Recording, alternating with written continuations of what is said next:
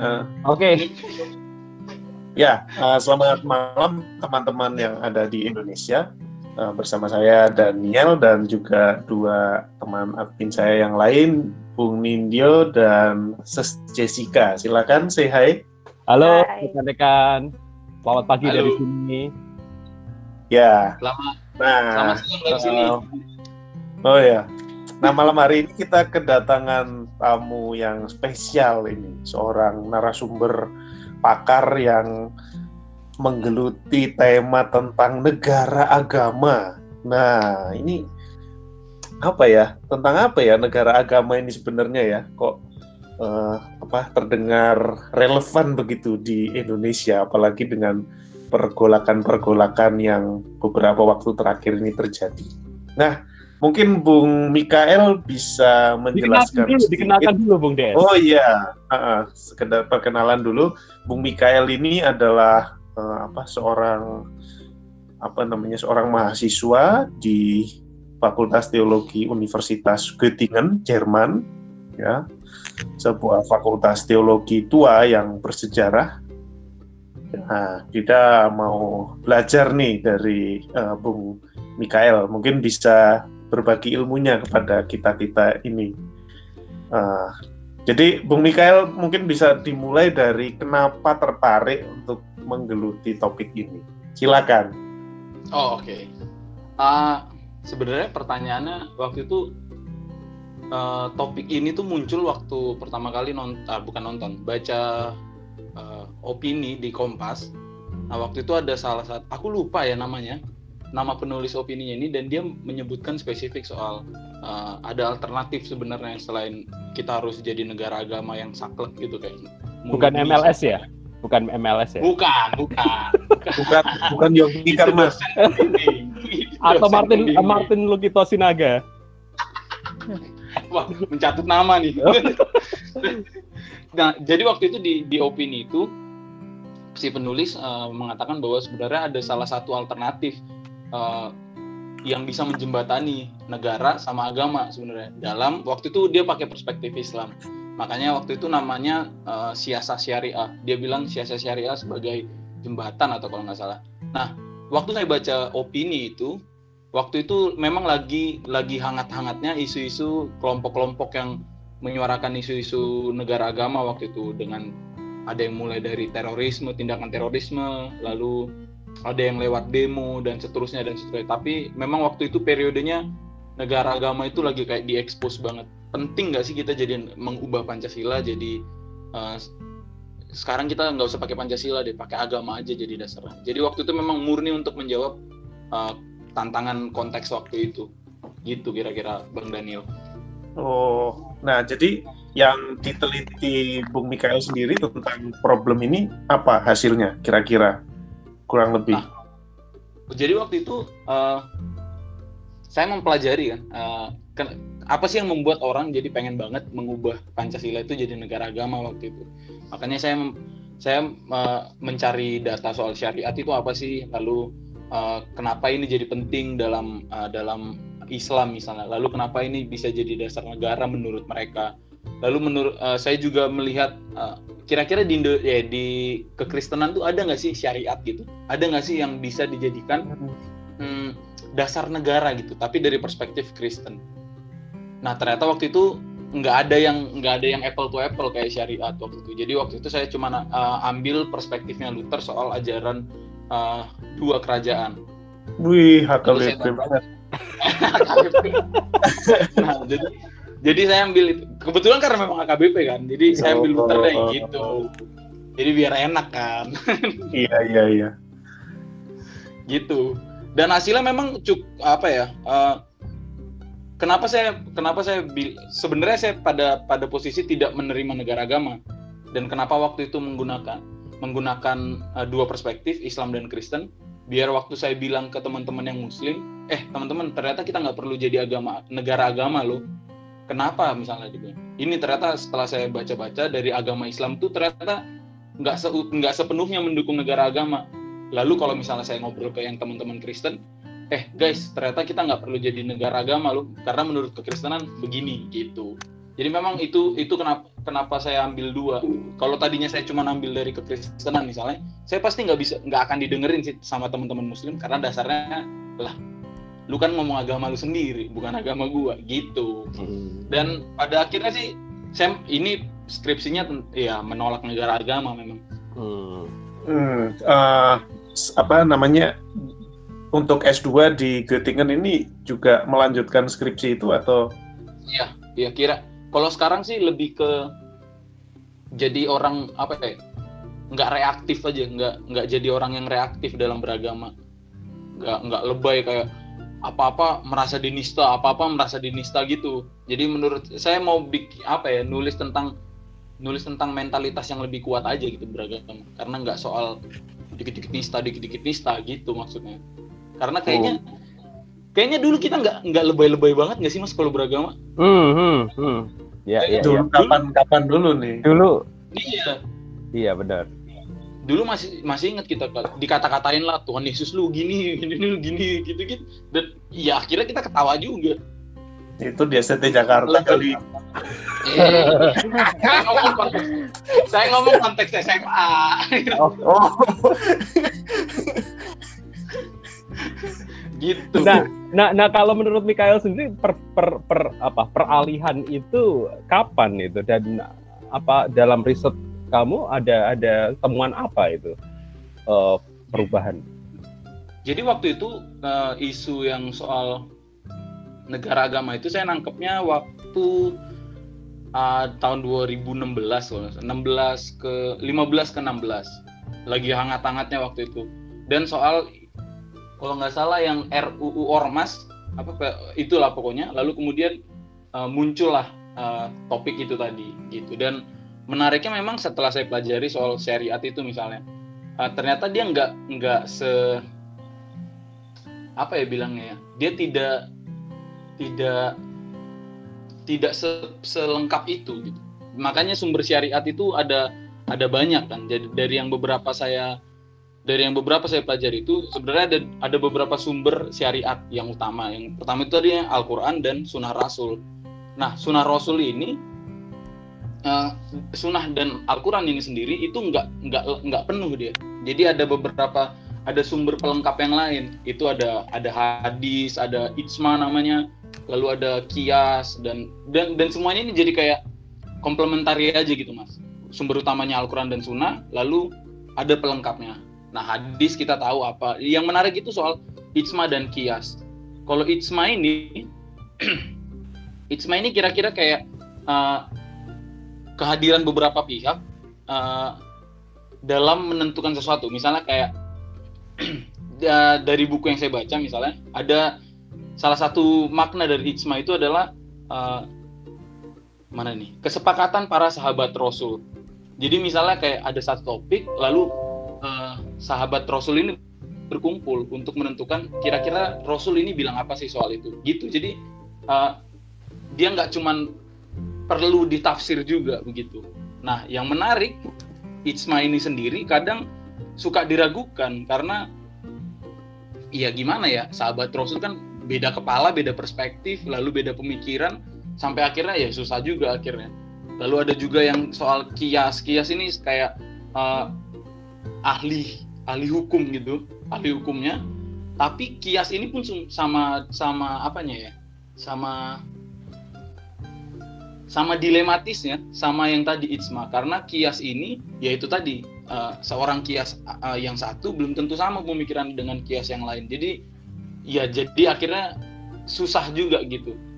Dan apalagi uh, dulu itu banyak yang menggunakan syariat sendiri sebagai pembenar apa kepentingannya sendiri mas. Maksudnya setelah setelah Rasul, Rasul Nabi Muhammad meninggal banyak yang mengklaim bahwa ini ini nih kata Nabi gitu ini nih kata Nabi ini kata Nabi lalu akhirnya mm, rakyatnya apa umat waktu itu ya bingung juga akhirnya dan dan itu soal soal penetapan kalau misalnya tadinya mau pakai syariat misalnya ini syariat versi siapa gitu itu juga jadi pertanyaan karena begini begini begini ini menurut si ini Sementara menurut si ini juga kayak gini. Bingung juga kita. Dan ya itu tadi. Dan menariknya lagi mas, ternyata syariat itu nggak sembarangan. Maksudnya waktu itu muncul muncul oh, apa namanya hukum-hukumnya gitu mulai muncul-muncul itu nggak nggak semata soal uh, begitu aja gitu. Itu ada sebab musababnya. Biasanya uh, Rasul menemukan satu masalah lalu dia akan uh, mengatakan kayak kayaknya kita sebaiknya gini nih. Sebaiknya kita begini soal perceraian misalnya soal pernikahan dan seterusnya dia akan keluarkan sendiri apa akan menentukan uh, cara cara menyikapinya. Dan itu yang biasa jadi pegangan. Dan ya kembali lagi setelah Nabi Muhammad meninggal kemudian semuanya jadi di, ya, dilematis.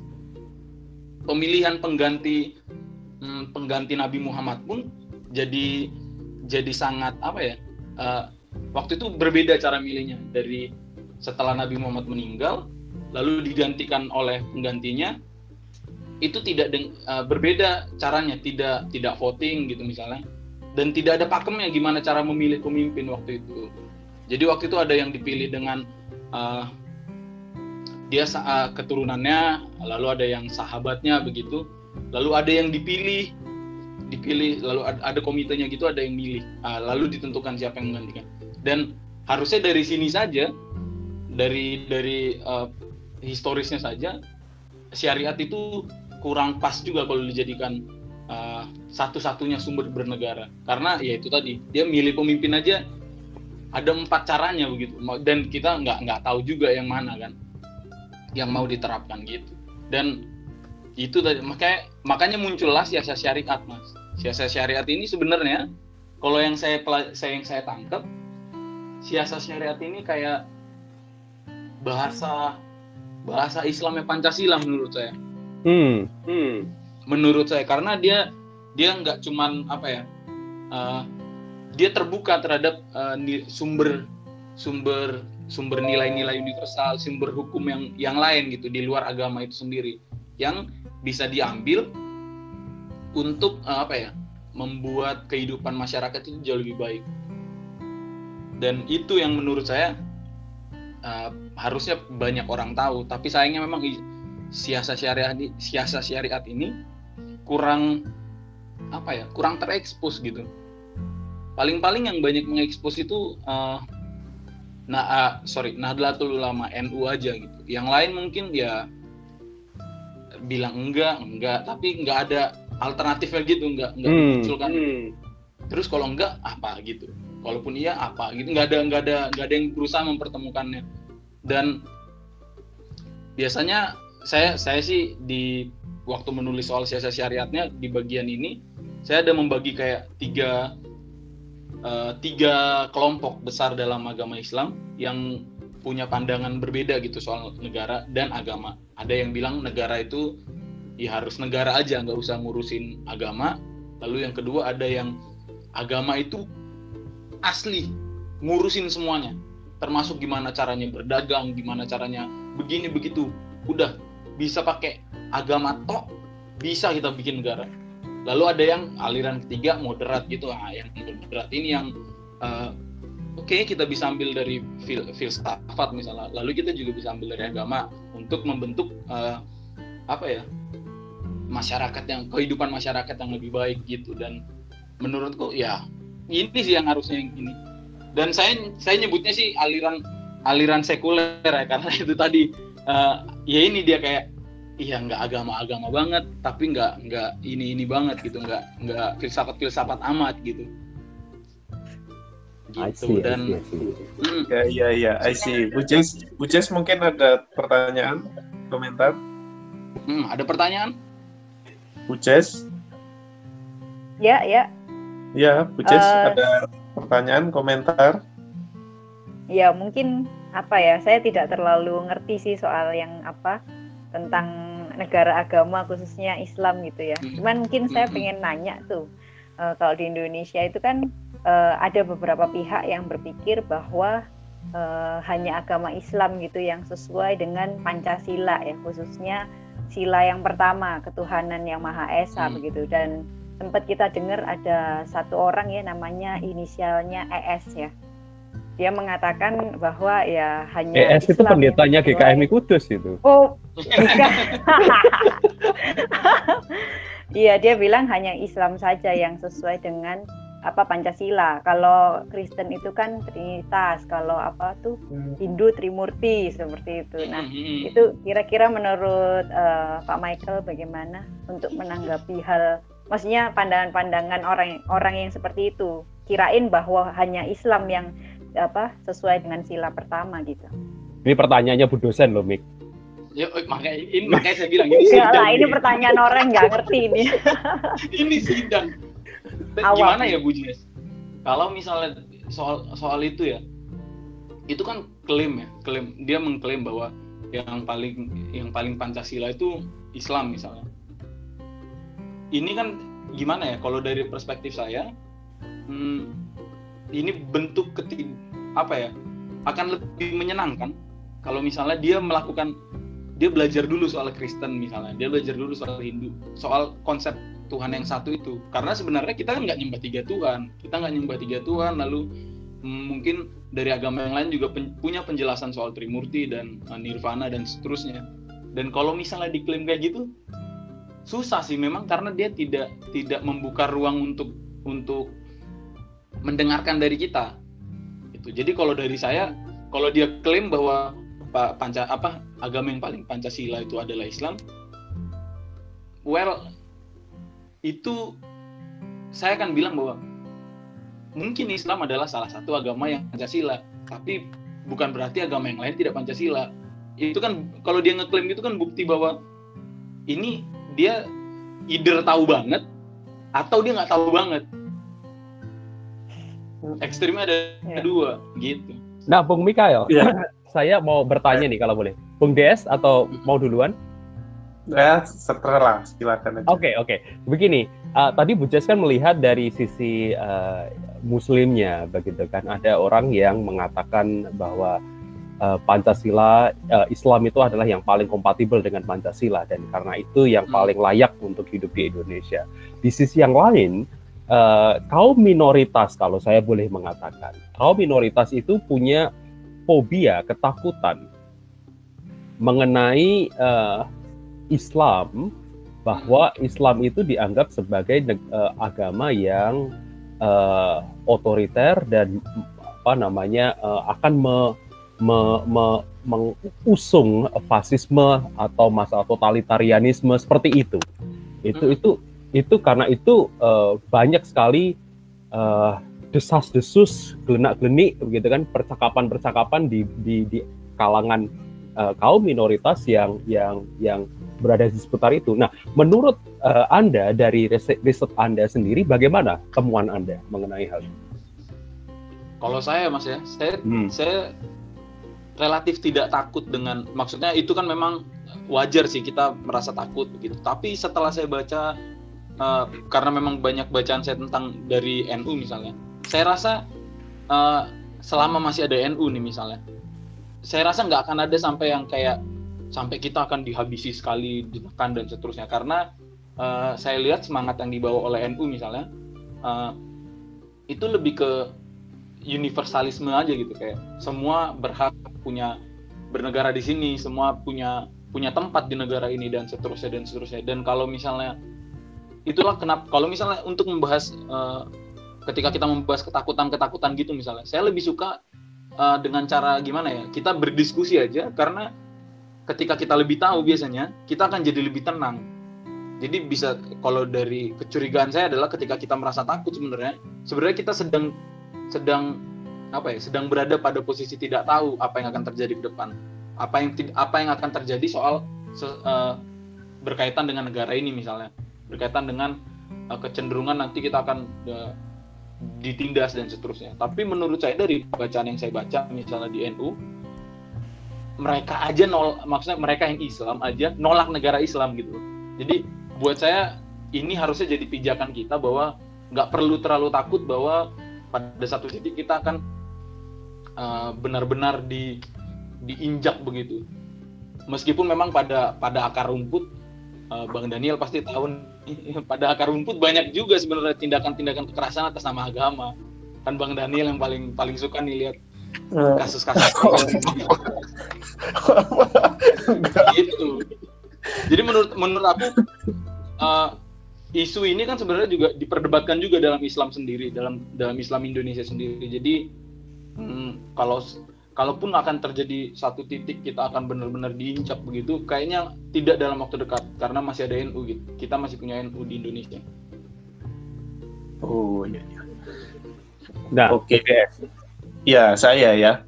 Nah, kalau yang saya tangkap ya dari penjelasan Mikael ini kan uh, seperti seolah-olah uh, ada dua kubu ini di sini ya. Yang satu Pancasila, negara sekuler, yang satu uh, kubu yang mencita-citakan syariat Islam begitu. Jadi uh, dan studinya Mikael ini kan sepertinya berusaha melemahkan kubu kedua begitu ya kan ya ibaratnya anulah menderadikalisasi begitu. Iya, betul. Nah, tapi uh, apa pertanyaannya adalah apakah ini tidak lalu uh, apa namanya menitik beratkan apa keberpihakan pada model negara sekuler dan Pancasila yang ada saat ini dan apa namanya seperti memberi justifikasi atau legitimasi ya atas keberadaannya. Karena kalau yang digunakan kasus atau mungkin teologi Luther juga, ya itu bisa kita pertanyakan juga apakah apa teologi Luther itu tidak memberikan pembenaran yang berlebihan terhadap terhadap posisi negara atau pemerintah gitu ya dengan uh, menyetarakannya dengan apa Ya, Bung Mikael yang lebih tahu ya soal dua dua tangan itulah. Nah, dua. ini ini apa? Ini kan dua kan ada persinggungan. Ini kan isu ada persinggungan dengan Anabaptis juga ini. nah, uh, lalu sementara ya, sementara doktrin dua kerajaan itu juga adalah salah satu yang dikritik dalam deklarasi Barmen dan seingat saya deklarasi Barman termasuk salah satu apa namanya pengakuan historik yang diakui oleh HKBP juga gitu. Hmm. Kalau tidak salah ya, bukan gereja saya jadi. silakan, silakan.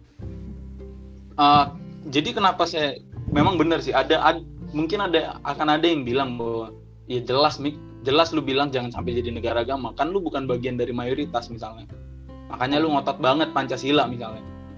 Tapi sebenarnya ya dia fair fair aja bilang gitu. Tapi in, poin yang ingin saya bilang adalah sebenarnya dalam pancasila kamu yang mayoritas itu sebenarnya sudah terakomodir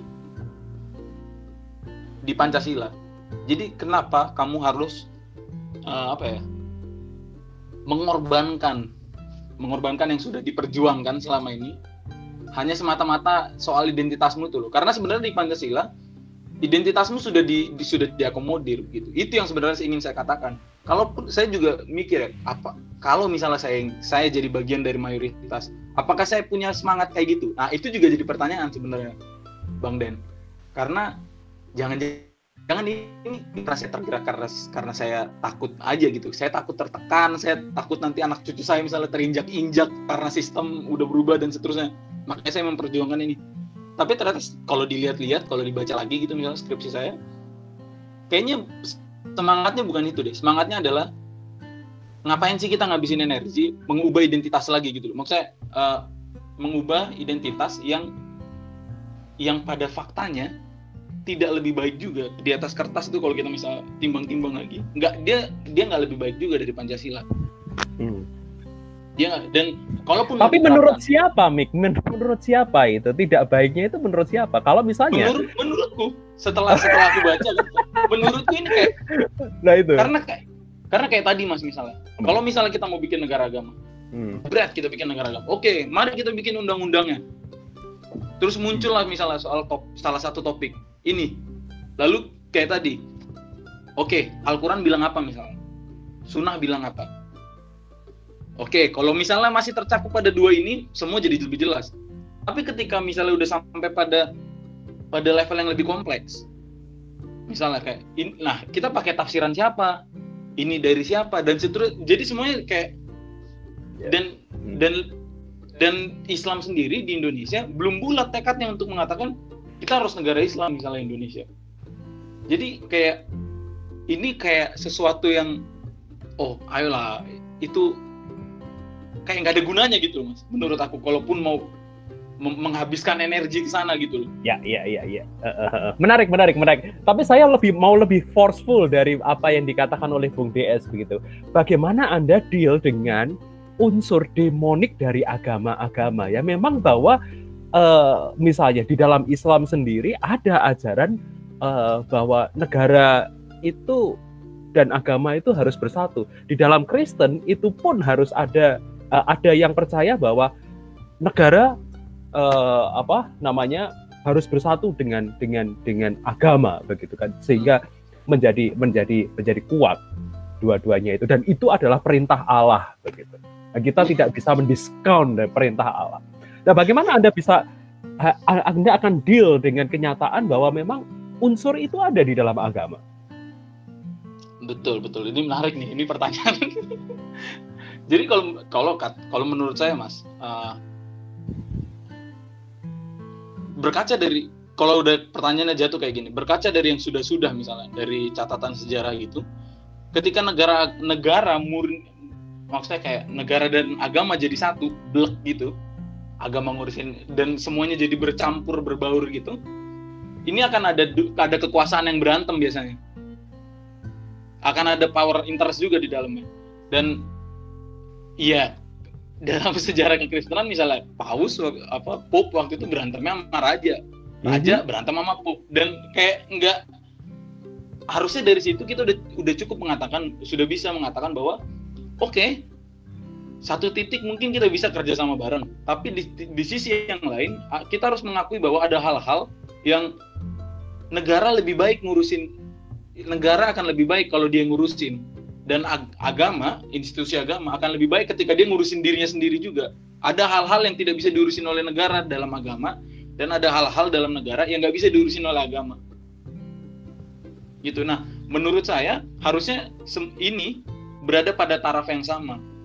Itulah kenapa menurut saya satu titik kita harus mengakui bahwa agama dan negara itu memang kadang bisa kerjasama, tapi kadang juga jangan dibiarin kerjasama. Gitu. Jadi ya itu tadi mas. Dan demoniknya benar akan dan akan terdengar lebih lebih utopis gitu kan. Kayak kalau misalnya satu pemimpin untuk agama dan negara wah itu indah banget gitu kan. Padahal nggak juga. Dari catatan sejarah banyak yang berantem malah lebih chaos mm -hmm. ya itu menarik menarik menarik bagaimana nih rekan-rekan semua iya ya itu kan Waduh, ya terlalu bisa ke mana-mana lah. Kalau ya ke apa namanya?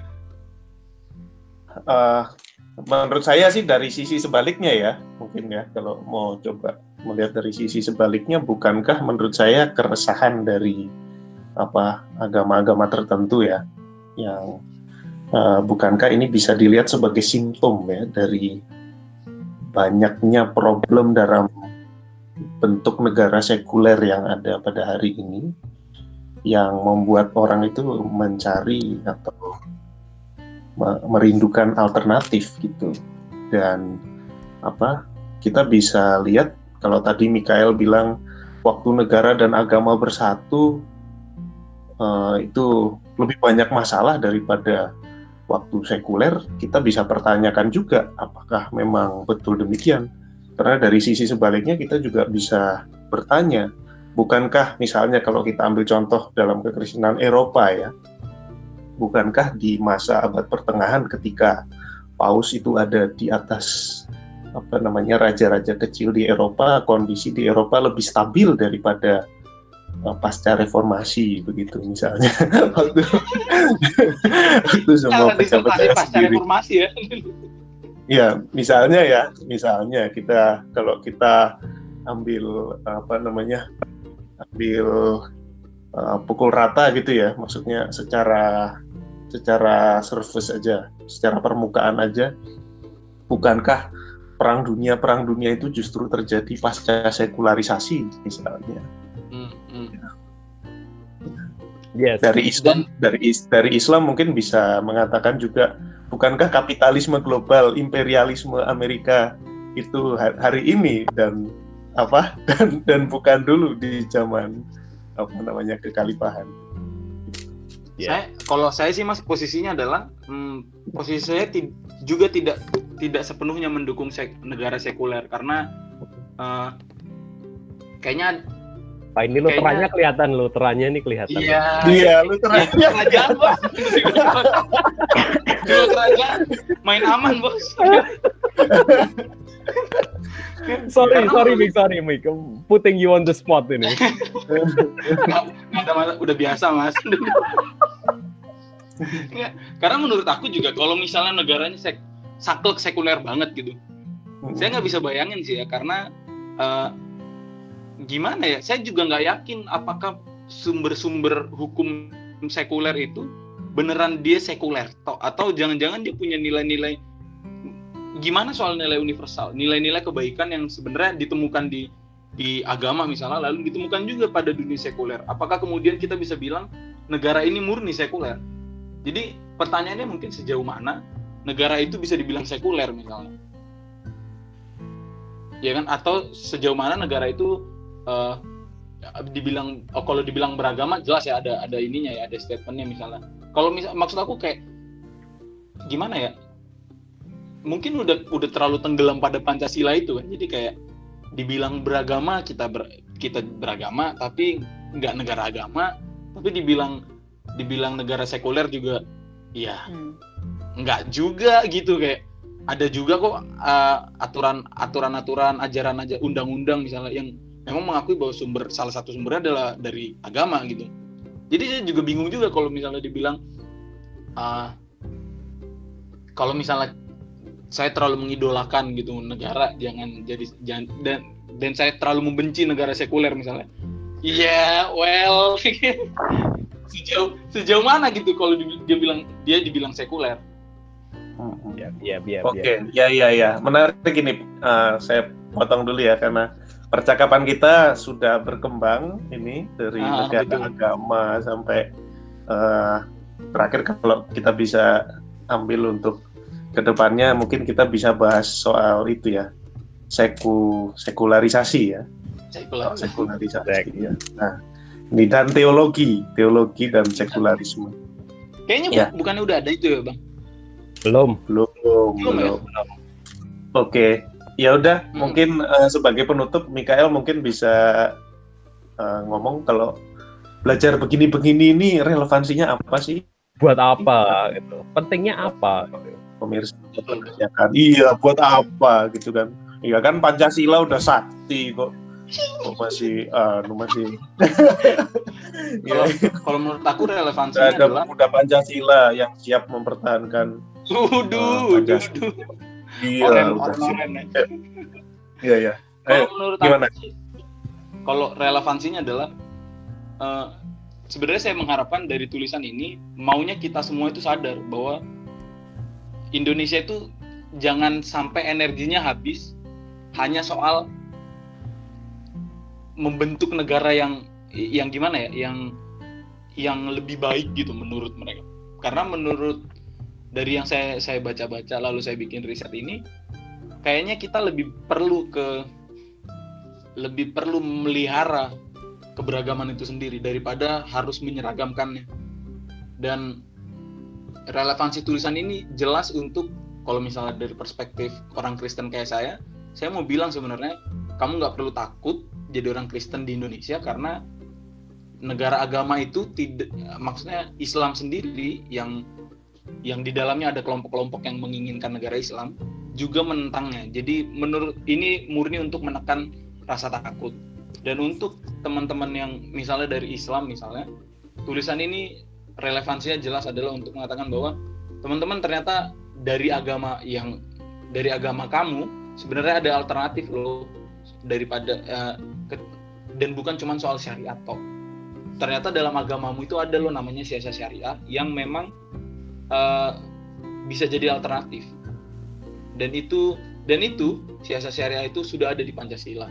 Yang notab jadi kamu nggak perlu menghabiskan energimu terlalu banyak untuk memperjuangkan hal-hal yang demikian. Dan untuk untuk pendeta misalnya saya rasa isu-isu kayak gini bisa digunakan untuk menenangkan umat juga nggak? Jadi kayak nggak usah pakai inilah khotbah-khotbah yang menakutkan kita akan gini gini gini nanti kalau misalnya gitu, gitu ini murni untuk menenangkan menenangkan rakyat aja menenangkan manusia manusia manusia iya. di Indonesia iya jadi merasa bersalah nih soalnya saya biasanya justru bikin nggak tenang well semua juga tahu bang kalau itu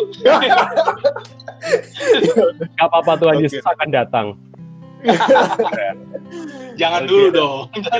Iya iya. Oke, okay, terima kasih ya Mikael ya. Mikael, kita udah udah setengah jam lebih. Iya. Ini kita uh, stop dulu sampai di sini. Kapan-kapan kita lanjut lagi. Ya. Siap. Selamat malam pemirsa, Bu Jess, uh, apa, Bung Nindyo. Oke. Okay. Bye bye. Bye. Bye. Thank you. Bye. Bye.